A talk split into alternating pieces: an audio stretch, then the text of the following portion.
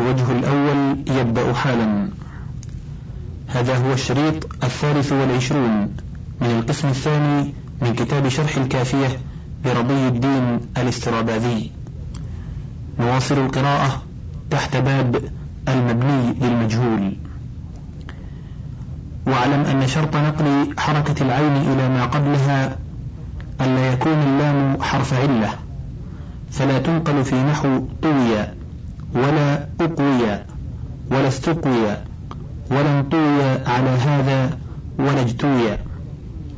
وإنما لم يفعل ذلك إذ لو أعلت العين في الماضي من هذه الأبواب لوجب الإعلال بقلب العين ألفا في المضارع لأنه يتبع الماضي في الإعلال كما في قيل ويقال. وقال ويقول فكنت تقول يطاي ويقاي ويستقاي وينطاوي ويجتاي ولا يحتمل في الفعل لثقله ياء مضمومة وإن كان قبلها سكون كما يحتمل في الاسم نحو رأي وزاي لخفته. وكسر فاء فعل للإدغام نحو رد لغة والضم أكثر لأن نقل الكسرة في المعتل العين اليائي والواوي إنما كان لأنك إن حذفتهما اجتمع الثقيلان الضم والواو كبوع وطولا وبنقلها يحصل الكسرة والياء وهما أخف. ولا يجتمع من حذف الكسرة في رد الثقيلان لكن مع ذلك جاز النقل على قلة لكون الكسرة أخف من الضمة. وربما أشم فاء نحو رد ضمة أيضا وربما كسر فاء الفعل المبني للمفعول في الصحيح للتخفيف. تقول في عهد عهد كما تقول في المبني للفاعل شهد شهدا وفي الاسم نحو فخذ فخذ. وجميع ذلك في الحلقي العين لما يجيء في التصريف. وقد حكى قطرب ضرب زيد في ضرب زيد على نقل كسرة الراء إلى الضاد وهو شاذ. قوله وإن كان مضارعا ضم أوله وفتح ما قبل آخره. إنما ضم المضارع حملا على أول الماضي. وأما فتح ما قبل آخره دون الضم والكسر فلتعتبر الضمة بالفتحة في المضارع الذي هو أثقل من الماضي.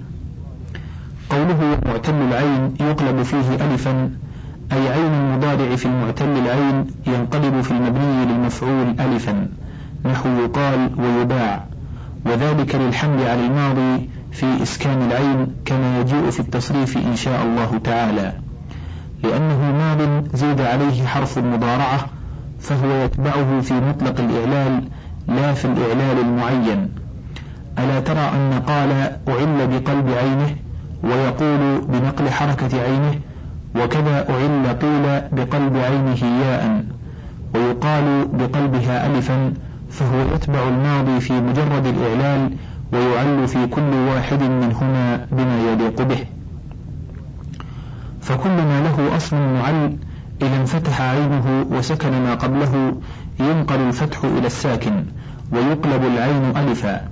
نحو يهاب وأقام واستقام. وليس النقل لأجل الثقل لأن الفتح لا يستثقل بل لأجل قصد قلب ذلك المفتوح ألفا للتخفيف لو لم تنقل الفتحة إلى ما قبلها لالتقى ساكنان. وقد يجيء الكلام عليه في التصريف. وقد جاء في كلامهم بعض الأفعال على ما لم يسم فاعله ولم يستعمل منه المبني للفاعل. والأغلب في ذلك الأدواء ولم يستعمل فاعلها لأنه من المعلوم في غالب العادة أنه هو الله تعالى. فحلف للعلم به كما في قوله تعالى وقيل يا أرض ابلعي ماءك ويا سماء أقلعي وغيض الماء وقضي الأمر. وتلك الأفعال نحو جن وسل وزكم وورد وحم وفئد ووعك. قال سيبويه لو أردت نسبتها إليه تعالى لكان على أفعل. نحو أجنه الله وأسله وأزكنه وأورده ولعل ذلك لأنه لما لم يأت من فعل المذكور كجن وسل فعلته صار كألم ووجع وعمي.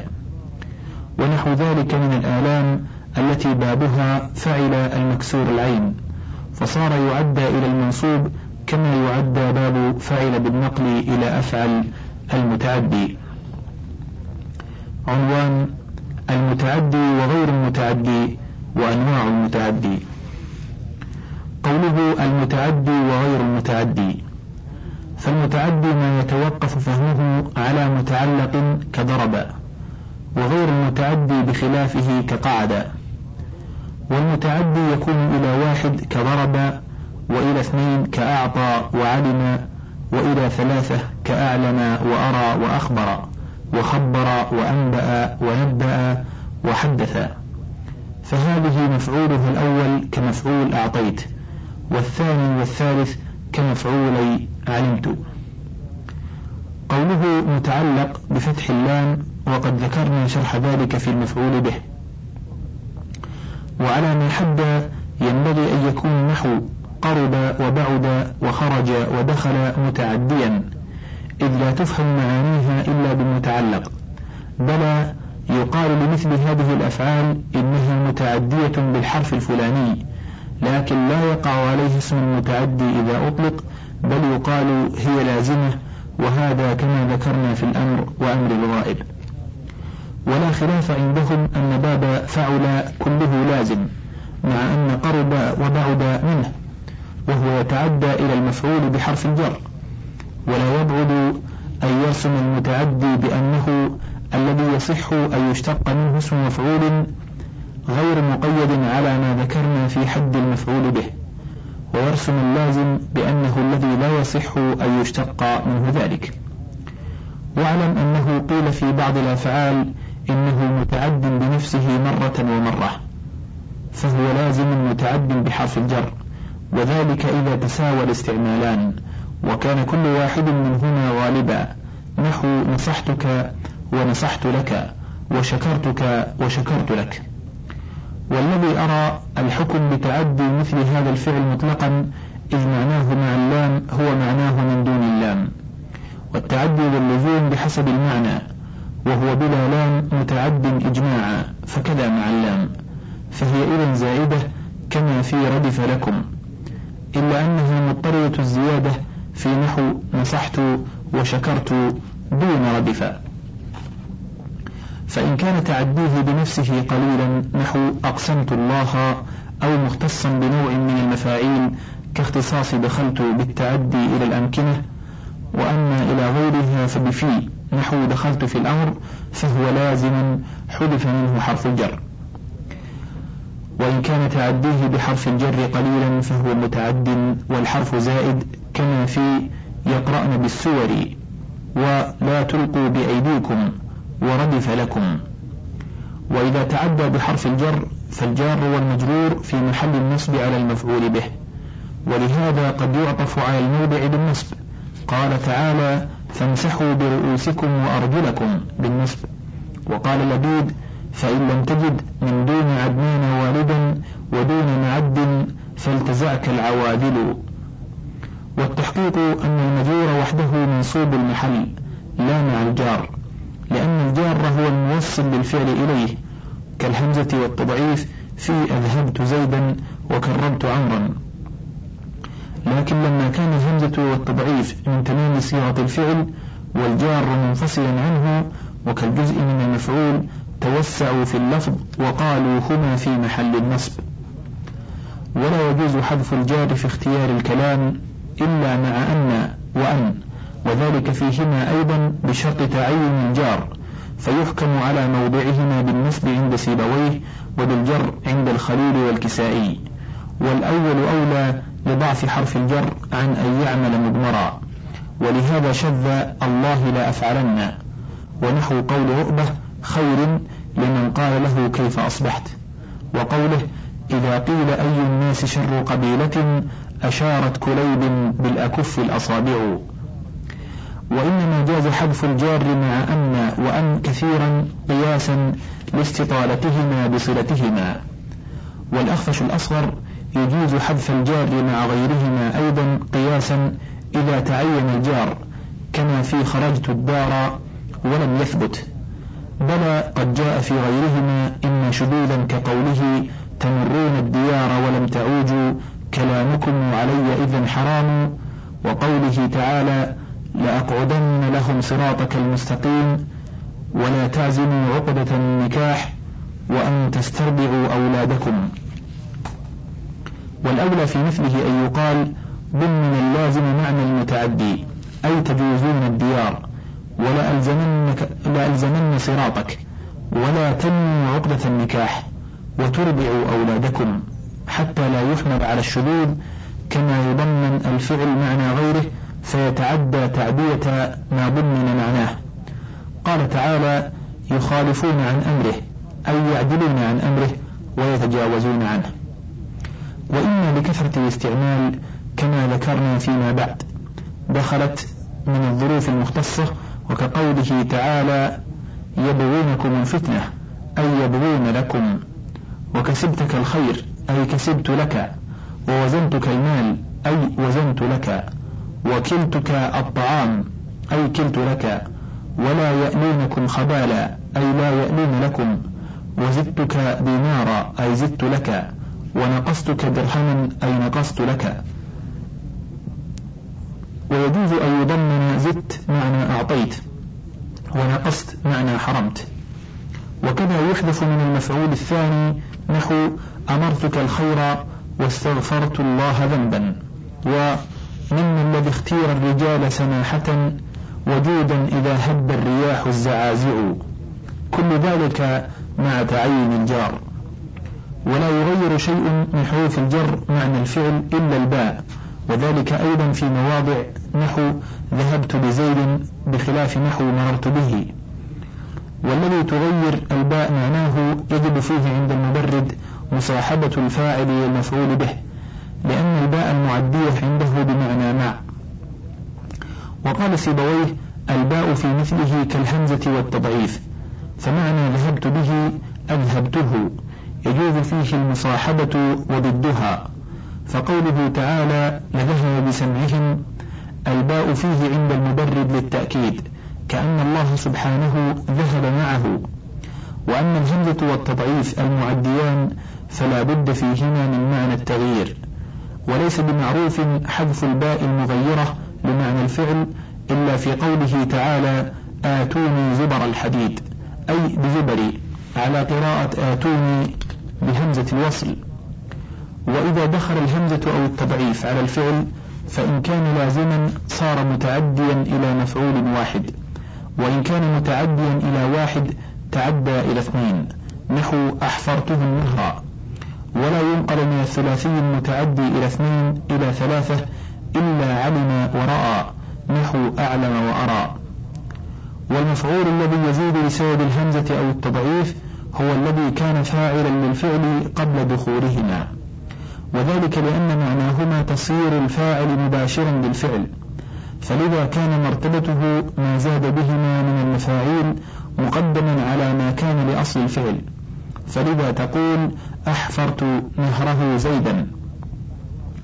وتضعيف العين يعدي إلى واحد كفرحته وإلى اثنين كعلمته النحو ولا يعدي إلى ثلاثة كالهمزة. وقل تعديته للحلقي العين إلا في الهمزة نحو نأيته ويجوز أن يجتمع على فعل واحد عدة من حروف الجر إذا كانت مختلفة. نحو خرجت من الكوفة إلى البصرة لإكرامك وأما إذا اتفقت فقد ذكرنا حكمها في آخر أفعل التفضيل. قوله وإلى اثنين كأعطى وعلم يعني أن المتعدي إلى اثنين على ضربين. إما أن لا يكون مفعولاه في الأصل مبتدأ وخبرا كأعطيت زيدا درهما ولا حصر لهذا النوع من الأفعال. وإما أن يكون في الأصل مبتدأ وخبرا كعلمت زيدا قائما. وعند الكوفيين ثاني مفعول باب علمت حال وكذا قالوا في خبر كان. وليس بشيء إذ الحال يجوز حذفه وأيضا لا يكون الحال علما ولا ضميرا ولا اسم إشارة ولا غير ذلك من سائر المعارف ويجوز ذلك في هذين قوله وإلى ثلاثة كأعلم وأرى. تدخل الهمزة على فعلين من جملة الأفعال المتعدية إلى اثنين فيزيد بسبب الهمزة مفعول آخر موضعه الطبيعي قبل المفعولين لأن معنى همزة التعدية حمل الشيء على أصل الفعل. فمعنى أعلمتك زيدا منطلقا حملتك على أن تعلم زيدا منطلقا. فلا بد أن تذكر أولا المحمول ثم تذكر متعلق أصل الفعل وهو المحمول عليه لأن المحمول عليه معنى قائم بذلك المحمول والعادة جارية بأن تذكر الذات أولا ثم اللفظ الدال على المعنى القائم بها كما في المبتدأ والخبر والحال وذي الحال والموصوف والوصف. وكذلك في نحو أحفرت زيدا النهر أي حملته على حفر النهر. ولم يتفق أن ينقل إلى ثلاثة من المتعدية إلى اثنين بالتضعيف فلم يقل علمتك زيدا قائما بل لم يستعمل لثاني مفعول علمت إلا ما هو مضمون الأول والثاني أو مضمون الثالث لعلمت. تقول في علمت زيدا منطلقا علمت عمرا انطلاق زيد أو علمت عمرا الانطلاق. قال تعالى وإذ علمتك الكتاب وعند الأخفش ينقل بالهمزة إلى ثلاثة. باقي أفعال القلوب أيضا قياسا لا سماعا. فيقول أحسبتك زيدا قائما وكذا أظننتك وأخلتك وأعلمتك وأوجدتك. ولو جاز القياس في هذا لجاز أيضا في غير أفعال القلوب. نحو أكسوتك زيدا جبة وأجعلتك زيدا قائما. ولجاز بالتضعيف أيضا في أفعال القلوب وغيرها. ولم يجز اتفاقا ولجاز نقل جميع الأفعال الثلاثية متعديها ولازمها بالتضعيف والحمزة نحو أنصرت زيدا عمرا وذهبت خالدا. فثبت أن هذا موكول إلى السماع أعني النقل من الثلاثي إلى بعض أبواب المتشعبة. وأما أخبر وخبر وأنبأ ونبأ وحدث ولم يستعمل أحدث بمعناه فليست مما صار بالهمزة أو التضعيف متعديا إلى ثلاثة.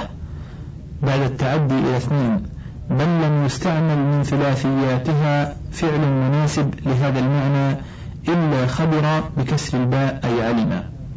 وأما حدث ونبأ ثلاثيين فلم يستعمل مشتقين من النبأ والحديث. لكن هذه الأفعال الخمسة ألحقت في بعض استعمالاتها بأعلم المتعدي إلى ثلاثة لأن الإنباء والتنبئة والإخبار والتخبير والتحديث بمعنى الإعلام. ولم يلحق سيبويه من هذه الخمسة إلا نبأ وألحق البواقي غيره وألحق بعضهم أرى الحسية بأعلم سماعا نحو أراني الله في النوم عمرا سالما. وتستعمل الخمسة متعدية إلى واحد بنفسها وإلى مضمون الثاني والثالث أو مضمون الثالث وحده بالباء. نحو حدثتك بخروج زيد وبالخروج وهذا كما ينصب كما ينصب علمت المفعولين وينصب مضمونهما الذي هو المفعول حقيقة أو مضمون الثاني نحو علمت زيدا قائما وعلمت قيام زيد وعلمت القيام. لكن علمت يتعدى إلى المضمون المذكور بنفسه كما رأيت وأنبأت وحدثت لا يتعديان إليه إلا بحرف الجر. فلا تقول أخبرتك خروج عمر بل بخروج عمر وأما أنبأته نبأ وخبرته خبرا وحدثته حديثا فهذه المنصوبات أسماء صريحة مقامة مقام المصدر أي إنباء وإخبارا وتحديثا. ولو كانت مفعولاتها لجاز استعمال المفعول به مخصصا مقامها. نحو حدثته خروج زيد ونبأته دخول خالد ولا يجوز في الساعة اتفاقا. فإذا تقرر هذا علمت أن قولك حدثتك أو أنبأتك أو أخبرتك زيدا قائما ليس بمعنى حدثتك التحديث المخصوص ونبأتك هذه التنبئة المعينة وخبرتك التخبير الخاص. فانتصاب زيد قائما لكونهما متضمنين للمفعول به كما ذكرنا. لا لكونه مصدرا مبينا نوعه كما في ضربت ضرب الأمير لأن زيدا قائما بيان المخبر به وتعيينه وليس بيان كيفية نفس الإخبار الذي هو الحدث الواقع منك أي اللفظ والتكلم المخصوص وأنه كان سريعا أو بطيئا أو غير ذلك من صفات اللفظ. فقولك أخبرتك زيدا قائما أي أخبرتك بهذا المخبر به. مفعول بلا شك واسم المفعول به لا يقع على المصدر فلا يقال في ضربت ضربا إن الضرب مضروب كما مضى في باب المفعول به. فظهر بهذا أن ما قال المصنف وهو أن زيدا قائما في أخبرتك زيدا قائما خبر خاص وأن خبرا في قولك أخبرتك خبرا خبر مطلق وكلاهما منصوبان على أنه مفعول مطلق ليس بشيء. بل الأول خبر خاص بلا ريب لكن لفظ الخبر هنا مفعول به أي مخبر به. والثاني خبر مطلق ولفظ الخبر هنا بمعنى الإخبار لا المخبر به فجعل أحدهما كالآخر وهو إما غلط أو مغالطة والدليل على كونه مفعولا به وكمفعولي علمت أنك تقول أخبرتك أن زيدا أن زيدا قائما كما تقول علمت أو أعلمتك أن زيدا قائما. فتصدر الجملة بأن وأيضا تقول أخبرتك أن زيدا قائما فأنا, فأنا مخبر أن زيدا قائم. فتضيف اسم الفاعل إلى ما كان في أخبرتك بعد الكاف. واسم الفاعل لا يضاف إلى المفعول المطلق فلا يقال أنت ضارب ضرب الأمير. وكذا ما اعترض به المصنف على نفسه من قوله قلت زيد منطلق ليس بشيء. إذ ليس زيد منطلق بمعنى المصدر الخاص كما ذكره بل هو بمعنى المفعول به أي المقول الخاص بخلاف قلت قولا سريعا على أنه مفعول مطلق. ومنشأ الغلط أن الخبر يستعمل بمعنيين بمعنى الإخبار وبمعنى المخبر به كما أن القول يستعمل بمعنى المصدر وبمعنى المقول فاعرفه. قوله فهذه مفعوله الأول كمفعول أعطيت. اعلم أن مفعوله الأول كأول مفعولي أعطيت والثاني والثالث معا كثاني مفعولي أعطيت لأننا بينا في يوم مفعول به أن هذه الأفعال في الحقيقة متعدية إلى مفعولين أولهما غير الثاني فمفعولهما الثاني في الحقيقة مضمون الثاني والثالث معا. فمعنى أعلمتك زيدا قائما أعلمتك قيام زيد فهو كأعطيت زيدا درهما سواء. فيجوز لك ألا تذكر لها مفعولا أصلا كباب أعطيت وأن تذكر جميعها وأن تذكر الأول دون الثاني والثالث دون الأول. وأما ذكر واحد من الثاني والثالث وترك الآخر فعلى ما يجيء في أفعال القلوب. وظاهر مذهب سيبويه أنه لا يجوز ذكر أولها وترك الثاني والثالث لأنه قال لا يجوز أن يقتصر على واحد من الثلاثة فبعض النحاة أجرى كلامه على ظاهره ولم يجوز الاقتصار على الأول. وأجازه ابن السراج مطلقا. وقال السرافي أراد سيبويه أنه لا يحسن الاقتصار على الأول لا أنه لا يجوز مطلقا. ومذهب ابن السراج ومذهب ابن السراج أولى إذ لا مانع وتبعه المتأخرون. فإذا قطعت النظر عن الأول فحال المفعول الثاني مع الثالث كحال أول مفعولي أعلمت مع الثاني لأنهما هما والأول هو الذي زاد بسبب الهمزة كما مضى. عنوان أفعال القلوب وبيان عملها. قوله أفعال القلوب ظننت وحسبت وخلت وزعمت ورأيت ووجدت تدخل على الجملة الاسمية لبيان ما هي عنه فتنصب الجزئين. اعلم أن الجمل التي تدخل عليها الأفعال لا يخلو من أن يكون المقصود منها حكاية لفظها أو لا. فالأولى هي الواقعة بعد القول. نحو قلت ضرب زيد أو زيد ضارب. ولا يعمل فيه القول إذ القصد حكاية اللفظ فيجب مراعاة المحكي. والثانية أي التي المقصود منها معناها دون لفظها فلا بد أن يعمل الفعل الداخل عليها في جزئيها لتعلق معناه بمضمونها. فلا يدخل إذن إلا على الاسمية لأن ذلك الفعل إن خلا من المسند إليه تعذر عمله في الفعلية لأن الضروري من عمل الفعل رفع المسند إليه فلا يرتفع به الفعل الذي في الجملة الفعلية ولا يرتفع به ما أسند إليه ذلك الفعل أيضا إذ لا يرتفع اسم بفعلين إذ لا أثر واحد عن مؤثرين مستقلين وإن كان مع المسند إليه لم يعمل إلا النصب فيجب أن ينصب كلا جزئي. كلا جزئي الفعلية لتعلق معناه بمضمونهما ولا ينتصب الفعل إلا بالحرف والمسند إليه يستحيل انتصابه فلا يتبين فيهما أثر الفعل الداخل. بلى إذا كان فعل معلق عن النصب جاز دخوله على الفعلية لأنه لا يعمل إذن في الظاهر كقولك علمت بمن تمر وعلمت أي يوم سرت وأيهم رأيت بنصب أي على أنه معمول الفعل المؤخر. ثم نقول الذي يطلبه الفعل من الاسمية المدخول عليها إما فاعل أو مفعول فإن اقتضى فاعلا وذلك في باب كان رفعنا المبتدأ تشبيها له بالفاعل ونصبنا الخبر تشبيها له بالمفعول. ولم يجد رفعهما لأن الفعل لا يرفع فاعلين فلا يرفع شبيهين بالفاعل. ولا نصبهما إذ يبقى الفعل بلا مرفوع ولا يجوز. ولا نصب الأول ورفع الثاني لأن طلب الفعل للمرفوع قبل طلبه للمنصوب. والفاعل في الحقيقة في مثل هذا مصدر الخبر مضافا إلى المبتدأ. ففي كان زيد قائما فاعل كان قيام زيد لأنه هو الحادث الكائن في الحقيقة. وكذا في صار زيد قائما الصائر هو قيام زيد. وكذا في جميع أخوات كان لأن كلها بمعنى كان مع قيد آخر. فمعنى صار كان بعد أن لم يكن ومعنى ما زال وأخواتها كان دائما ومعنى أصبح وأخواتها كان في الصبح والمساء والضحى ونحو ذلك ومعنى ليس ما كان.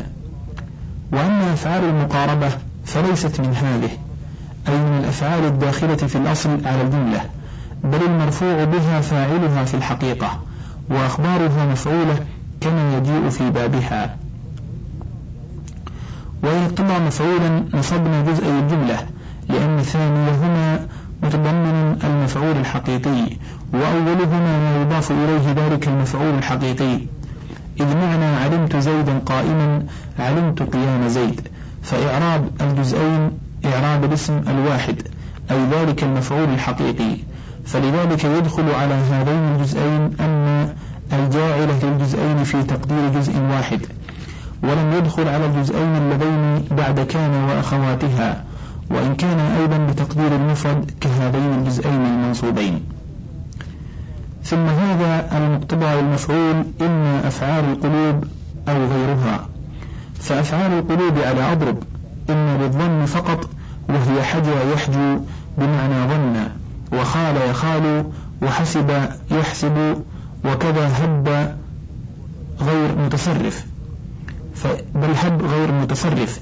فإذا كانت الأفعال بالمعنى المذكور ووليها الاسمية مجردة من أن نصبت جزئيها. فإن كان حجى بمعنى غلب أو قصد أو غير ذلك وخال بمعنى اختال وهب أمرا من الهبة أو كانت الاسمية مصدرة بأن لم تنصب المفعولين. وكذا جميع أفعال القلوب المذكورة في المتن تنصب المفعولين إذا وليها الاسمية غير مصدرة بأن ويستعمل أرى الذي هو ما لم, يسن فاعله من أرى عاملا عمل ظن الذي هو بمعناه. ولم يستعمل بمعنى علم. وإن كانت أريت بمعنى أعلمت وإما لليقين فقط وهو علم بمعنى عرف ولا يتوهم أن بين علمت وعرفت فرقا معنويا كما قال بعضهم. فإن معنى علمت أن زيدا قائم وعرفت أن زيدا قائم واحد.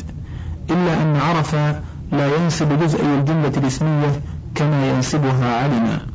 لا لفرق معنوي بينهما بل هو موكول إلى اختيار العرب.